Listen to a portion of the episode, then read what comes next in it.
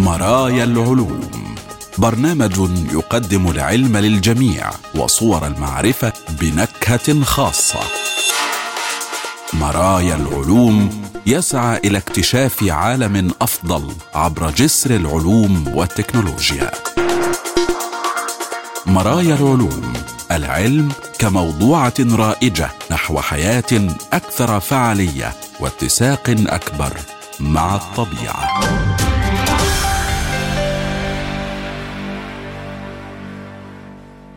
أهلا بكم وحلقة جديدة من برنامج مرايا العلوم حيث العلوم والحياة وصور المعرفة وتردداتها بلا حدود والسعي نحو غد أفضل يتسع للجميع ويفتح ذراعيه لعقول السلام.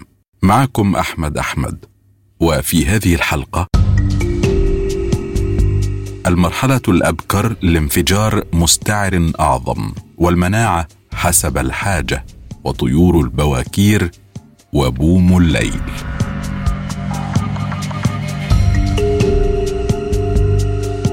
البداية نشرة العلوم.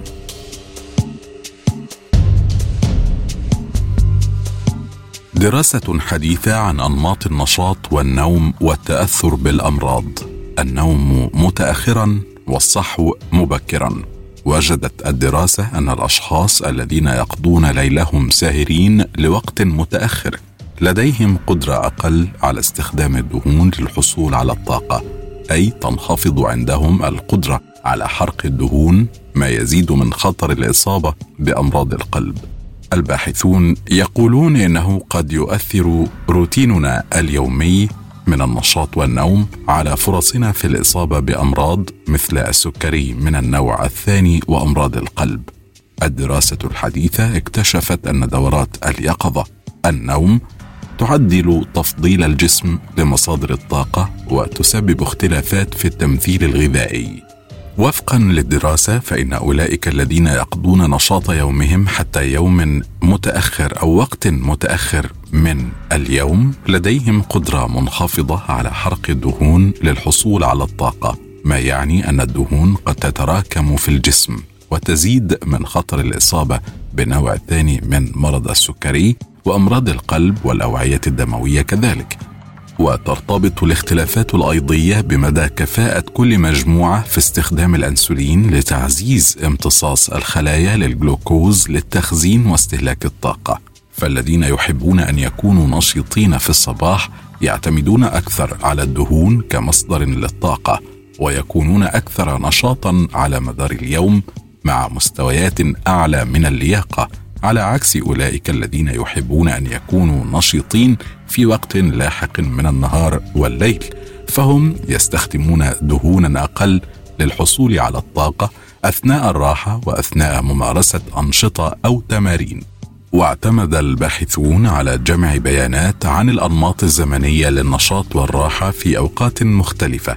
استخدموا آليات لتقييم كتلة الجسم وتكوينه بالإضافة إلى حساسية الأنسولين وعينات التنفس لقياس التمثيل الغذائي للدهون والكربوهيدرات. تمت مراقبة المشاركين لمدة أسبوع لتقييم أنماط نشاطهم على مدار اليوم. وجد الباحثون أن الناشطين مبكرا يستخدمون المزيد من الدهون للحصول على الطاقة أثناء الراحة وأثناء النشاط أكثر من الناشطين متاخرا. كان النهاريون أيضا أكثر حساسية للأنسولين. من ناحية أخرى فإن الليليين مقاومون للأنسولين. ما يعني أن أجسامهم تتطلب المزيد من الأنسولين لخفض مستويات السكر في الدم وأن أجسامهم تفضل الكربوهيدرات كمصدر للطاقة على الدهون.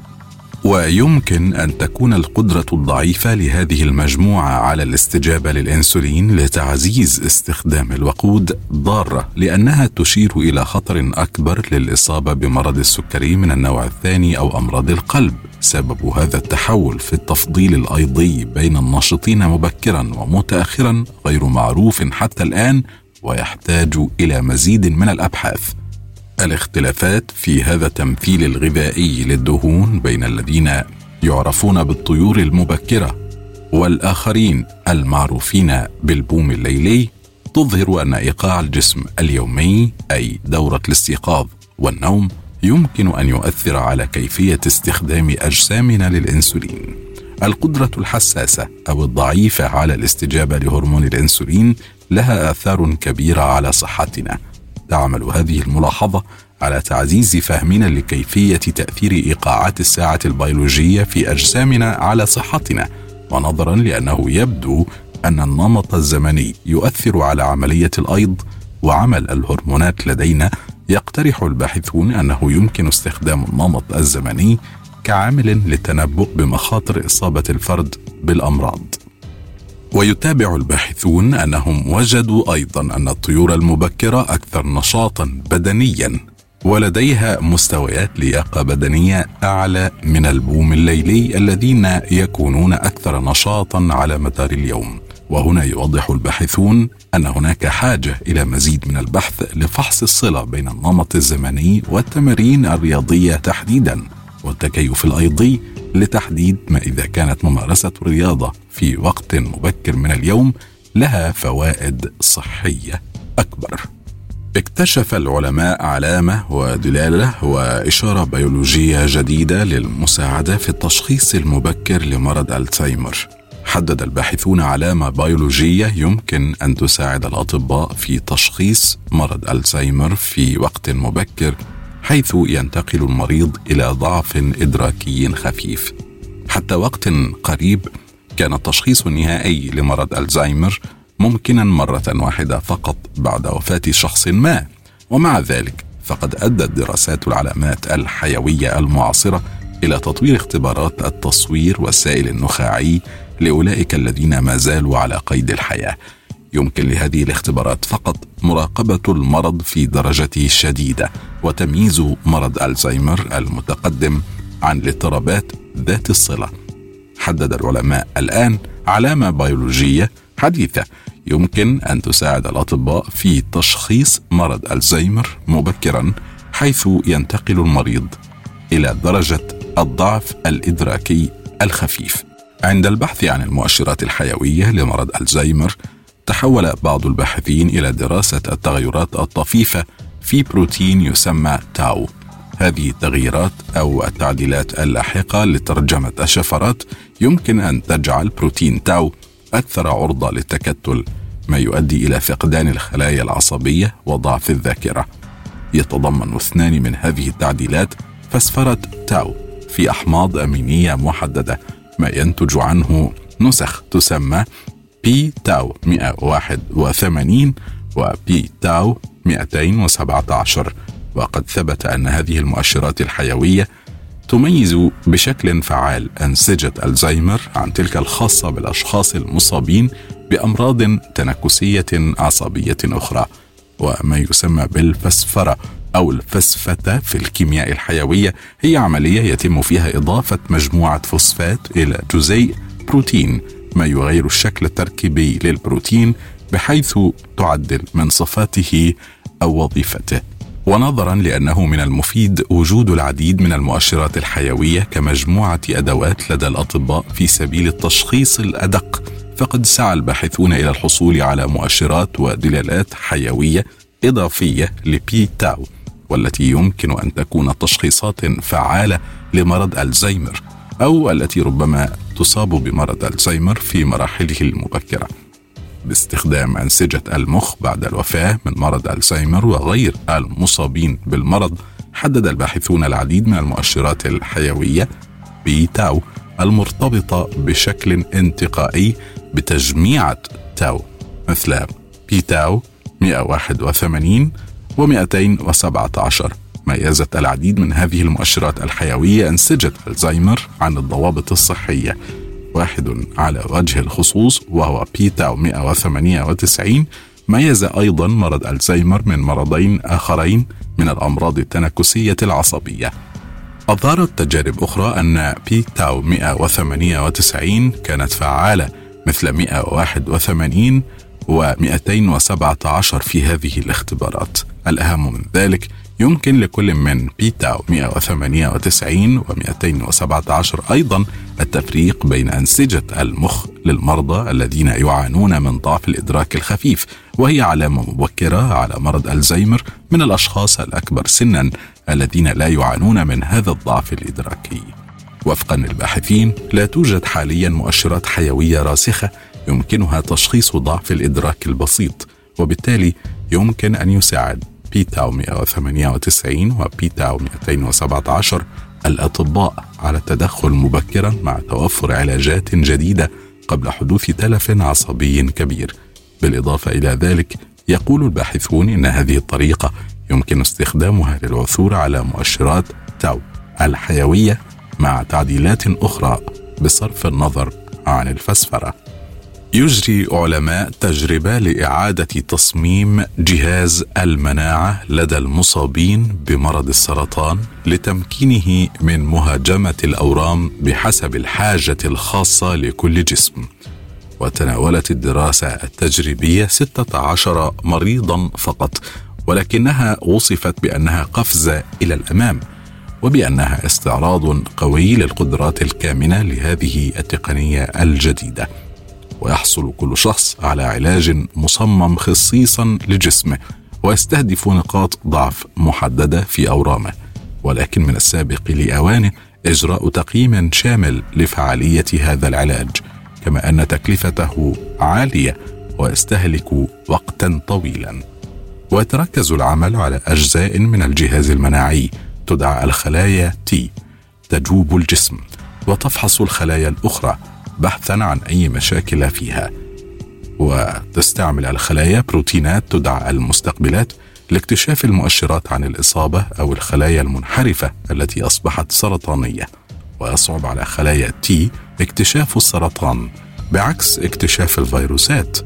فالفيروس مثلا يختلف في تركيبته عن باقي جسم الإنسان ولكن السرطان يشكل صعوبة لأنه نسخة محرفة من خلايانا. وتتمثل فكرة هذا العلاج في تعزيز مستوى الخلايا تي وتعديلها بحسب حاجة كل مريض لأن كل ورم له خصوصياته أيضا. وهذه هي طريقة عمل العلاج. يفحص الباحثون دم المريض للوصول إلى خلايا تي النادرة التي تملك مستقبلات بإمكانها اكتشاف السرطان. يعيدون تصميم أو تعديل خلايا تي التي ليس لها مستقبلات ينتزعون منها المستقبلات الأصلية القادرة على اكتشاف مشاكل أخرى وتستبدل بمستقبلات السرطان وزرع خلايا تي المعدلة في دم المريض مرة أخرى لتصطاد الأورام. ويتطلب تعديل خلايا تي بشكل يجعلها قادرة على اصطياد السرطان عملا مضنيا على المورثات يتمثل في إزالة التعليمات الوراثية الخاصة ببناء المستقبلات الأصلية والتعويض بتعليمات وراثية جديدة. وأصبح هذا العلاج ممكنا بفضل التقدم الهائل في مجال تقنية التعديل الوراثي التي تعمل مثل مقص جزيئي يسمح للعلماء بتعديل الحمض النووي بسهولة. وبالفعل فاز الباحثون الذين طوروا هذه التكنولوجيا بجائزة نوبل للكيمياء عام 2020 التجربة شملت مصابين بأمراض سرطان القولون والثدي والرئة ولم تستجب حالاتهم لعلاجات أخرى. وأنجزت الدراسة من أجل التحقق من سلامة وفعالية هذه التقنية وبينت أن الخلايا المعدلة تمكنت فعلا من الدخول إلى الأورام. واستمر استفحال المرض لدى أحد عشر مصابا ولكن استقرت حالة خمسة منهم ويتطلب الأمر توسيع الدراسة لضبط الجرعات المناسبة واختبار مدى فعاليتها. ويقول باحثون إنها قفزة فعلية إلى الأمام في مجال تطوير علاجات خصوصية للسرطان. وصفها آخرون بالعمل الخارق للعادة والتجربة الأكثر تطورا في مجالها دون شك والتي تفتح الباب لاستعمال هذا التصميم الخاص في علاج العديد من أنواع السرطان وربما العديد من الأمراض الأخرى كما أنها دليل قوي مبكر على ما يمكن أن تفعله تلك التقنيات الجديدة بينما نبه البعض إلى ضخامة الوقت والعمل والتكلفة اللازمة لإنجاز تجربة مهمة مثل تلك. الدكتورة المختصة سناء السخن استشارية أمراض الدم والأورام السرطانية في عمان تحدثت بالفعل عن أنه لا يزال مبكرا اعتبار هذه التجربة فتحا كبيرا في مجابهة السرطان وأوضحت أيضا السبب في أن هذا التحول النوعي ينطوي بشكل كبير على تكلفة ليست بالهينة. هي بلا شك قفزة نوعية ولكن آه، نعتبرها مبكر جدا أن نتفائل بنجاحها لسبب بسيط. التقنية موجودة منذ أكثر من عشرة أعوام نجحت آه، لدى المصابين ب hematological cancers أو ما يسمى بسرطانات الدم آه، واستخدمت حاليا في العلاج حول أنحاء العالم منذ أكثر من خمس سنوات بنجاح لكن لدى فقط المصابين بسرطانات الدم من المبكر أن نتحدث عنها في آه، المرضى المصابين بسرطانات صلبة مثل سرطان الكولون أو الثدي أو الرئة وهم المجموعة التي تعرضت لتجربة تحضير خلايا T cells لمجابهة خلايا من آه، أورام صلبة. أصعب بكثير من تحضيرها لمواجهة أورام آه، سرطانية دموية لأن ال T cells تنتمي إلى عائلة الخلايا السرطانية الخلايا الدموية.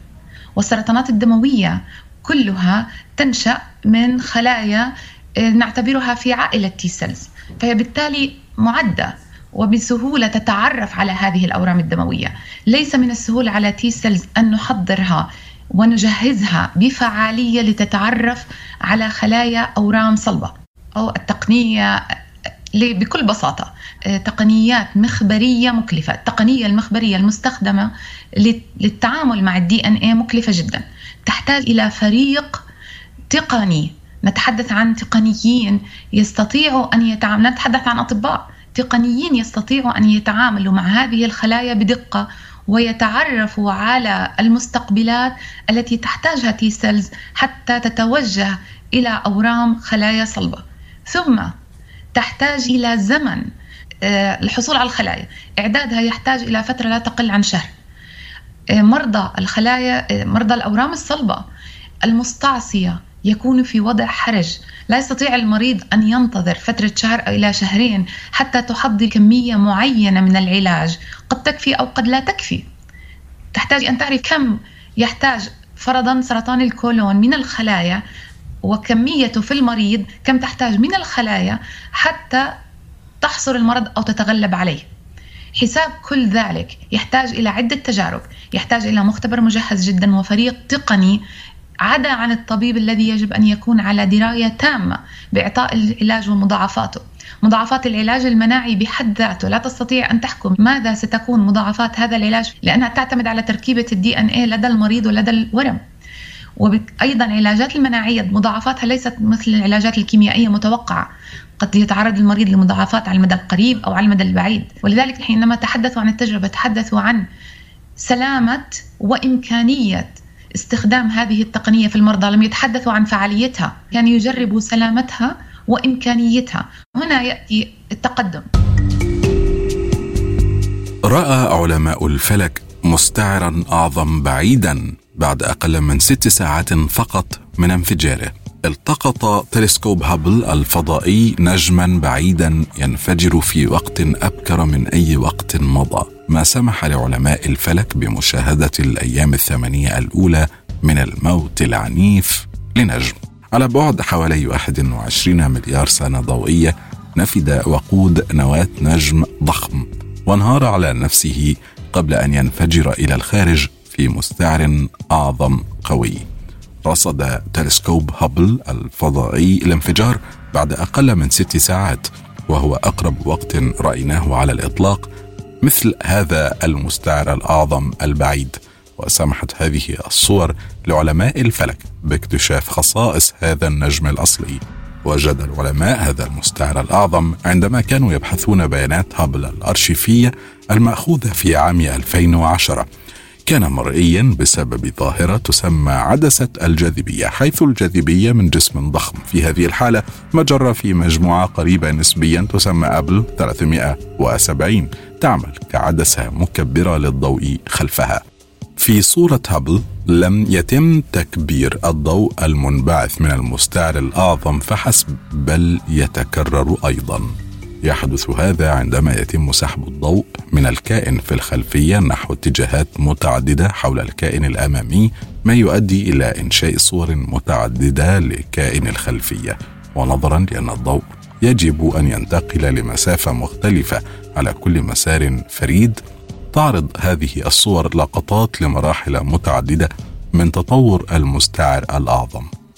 تظهر الصور الثلاث لهذا المستعر الأعظم بقعة زرقاء باهتة من الضوء تنمو وتصبح أكثر اشراقا واحمرارا.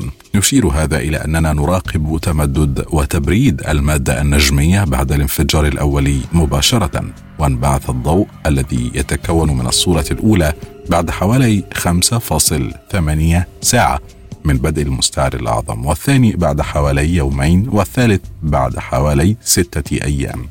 خلال ذلك الوقت قدر الباحثون أن المستعر الأعظم قد برد بالفعل من حوالي مئة ألف درجة مئوية إلى أقل من عشرة آلاف درجة مئوية. كما سمحت تفاصيل الضوء للباحثين بالتوصل إلى حساب نصف قطر النجم الذي انفجر. وجدوا أنه يشكل حوالي 530 مثلا مقارنة بالشمس ما يجعله نوعا من النجوم يسمى العملاق الأحمر الهائل. يقول العلماء إن المستعرات العظمى المنهارة الأساسية تشير إلى موت النجوم الضخمة والتي لم تدم طويلا لأنها تحترق بسرعة مقارنة بنجوم ذوات الكتلة الأقل. وبالتالي فإن معدل انهيار اللب المستعر الأعظم يجب أن يتتبع معدل تشكل النجوم الضخمة. هذا يعني أنه من خلال دراسة المستعرات العظمى مثل هذا قد نتمكن من معرفة المزيد حول كيفية عمل تشكل النجوم في الكون المبكر أي في المراحل الأولى تماما منذ النشأة. ويوضح العلماء أنه بفضل قدرته على التعمق في الكون المبكر سيكون تلسكوب جيمس ويب الفضائي أداة قوية في هذا الميدان. والآن ننتقل بحضراتكم إلى فقرة جديدة مستمعين الأكارم في هذه الحلقة من مرايا العلوم في ضوء العلم.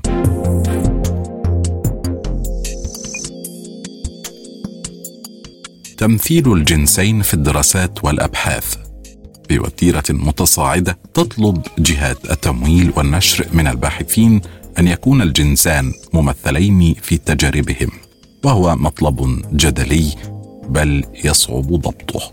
قدرة الأشخاص على الاستجابة للتغير محدودة. في عام 2016 أعدت الباحثة في علوم الصيدلة سوزان هالت دراسة عن تأثير مستويات الهرمونات خلال الحمل في عمل القلب وأرسلتها للنشر في إحدى الدوريات. وعندما عادت إليها تعليقات المراجعين الثلاثة وجدت في تعليقات اثنين منهم سؤالا لم تتوقعه ابدا. السؤال هو أين كانت أنسجة ذكور الفئران؟ ونظرا إلى أن هولت وزملائها لدى جامعة دلهاوزي في مدينة هاليفاكس الكندية كانوا يدرسون مستويات الهرمونات العالية المرتبطة بالحمل. لم يكونوا قد استعانوا في دراستهم إلا بإناث الحيوانات. تقول الباحثة فوجئت بشدة بأنهم أرادوا منا إعادة كل التجارب نفسها على الذكور. ومع ذلك فقد لبت مع فريقها هذا الطلب ونشرت النتائج التي توصلوا إليها عام 2017 وكما كان متوقعا لم يجد الباحثون أي أثر لهرمون بروجسترون في عمل قلب الذكور في حين وجدوا أنه أثر في نشاط خلايا القلب في الإناث. وأثار طلب إضافة الذكور إلى الدراسة مشاعر متضاربة لدى هاولت. التي علقت على ذلك بقولها: لقد كان مطلبا عسيرا ويتطلب جهدا بحثيا أكبر بكثير. لكنها تضيف أنه من المهم جدا عموما أن يؤخذ جنس الحيوانات في الحسبان عند إجراء الدراسات وتقول أنا من أكبر مناصري إجراء الاختبارات على الذكور والإناث معا وهذا ما يشعر به كثير من الجهات الراعية للبحث العلمي وأعني هنا جهات المانحة والدوريات الأكاديمية. فمنذ أكثر من عشر سنوات وقائمة متطاولة من الممولين والناشرين بينهم معاهد وطنية في أمريكا وأوروبا تطلب من الباحثين إدراج الجنسين في أعمالهم الخاصة بالخلايا والنماذج الحيوانية. وقد كان وراء هذه السياسات حافزان أساسيان. أولهما الوعي المتنامي بأن الفوارق التي أساسها جنس الحيوان التي كثيرا ما تكون مرتبطة بملفات الهرمونات أو الجينات التي تحملها الصبغيات أو الكروموسومات يمكنها التأثير في الاستجابات للعقاقير والعلاجات الأخرى. أما الثاني فكان نابعا من إدراك أن إدراج الجنسين في الدراسة يمكنه أن يجعل البحث العلمي أكثر رصانة وأن يعزز قابلية إعادة إنتاج الدراسات وأن يطرح أسئلة جديدة لتتولى الدراسات الإجابة عنها. وعندما تشمل الدراسات الجنسين فإن النتائج قد تكون مهمة للصحة. على سبيل المثال من المعروف أن جنس الشخص يؤثر في مدى تجاوبه مع العقاقير الشائعة وبينها بعض المضادات الحيوية. ويبدو كذلك أن خطر الإصابة بمرض قلبي وعائي عند ضغط دم أدنى هو أكبر بين النساء منه بين الرجال. كما أن كوفيد 19 يعطينا مثالا جليا آخر يوضح لنا السبب الكامن وراء ضرورة أخذ الجنسين في الحسبان إذ يقضي المرض على عدد أكبر من الرجال.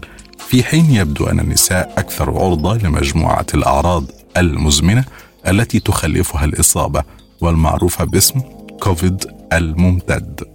ووفقا لأطباء ممارسين كثيرين في طب الجنسين تتمثل الفائدة الكبيرة لمعاينة كلا الجنسين في أن المرء قد يجد بسببها مسالك أو حلولا أو أسئلة جديدة محتملة ما كان ليجدها لولاها. لكن التحسينات المأمولة في مجالي قابلية إعادة إنتاج الدراسات والصرامة لم تتحقق إلا ببطء فقد تسببت السياسات في حيرة كبيرة واثارت جدلا في شأن وقت تمثيل الجنسين في تصاميم الدراسات وكيفية ذلك. ويرى بعض الباحثين أن الجنس بتعريفه الحالي مغال في ثنائيته وفجاجته. يقول بعض المختصين إن عدد العلماء الذين يقرون بأهمية دراسة الجنسين في ازدياد ولكن ما زال هناك متسع للتحسين وإن كانت ما زالت هناك حيرة. بدخول النساء أكثر فأكثر معترك البحث العلمي في أواسط القرن العشرين وفي اواخره بدأ بعضهن يلاحظ أن كثيرا من الدراسات الإكلينيكية أهمل تمثيل الجنسين. الجنس مفهوم معقد. تمثيل الجنسين في الدراسات المتعلقة بالحيوانات والخلايا ليس عملية سهلة كما قد يبدو. فالتمييز بين الجنسين على أساس مؤشرات عامة مثل الصفة التشريحية يتغاضى عن التعقيد الأعمق للهرمونات وهي العوامل الأساسية في كثير من الفوارق المحددة أو المحتملة بين الذكور والإناث. إلى هنا مستمعينا الكرام نكون قد وصلنا وإياكم إلى خاتمة هذه الحلقة من برنامج مرايا العلوم. شكرا جزيلا حسن إصغائكم وإلى اللقاء.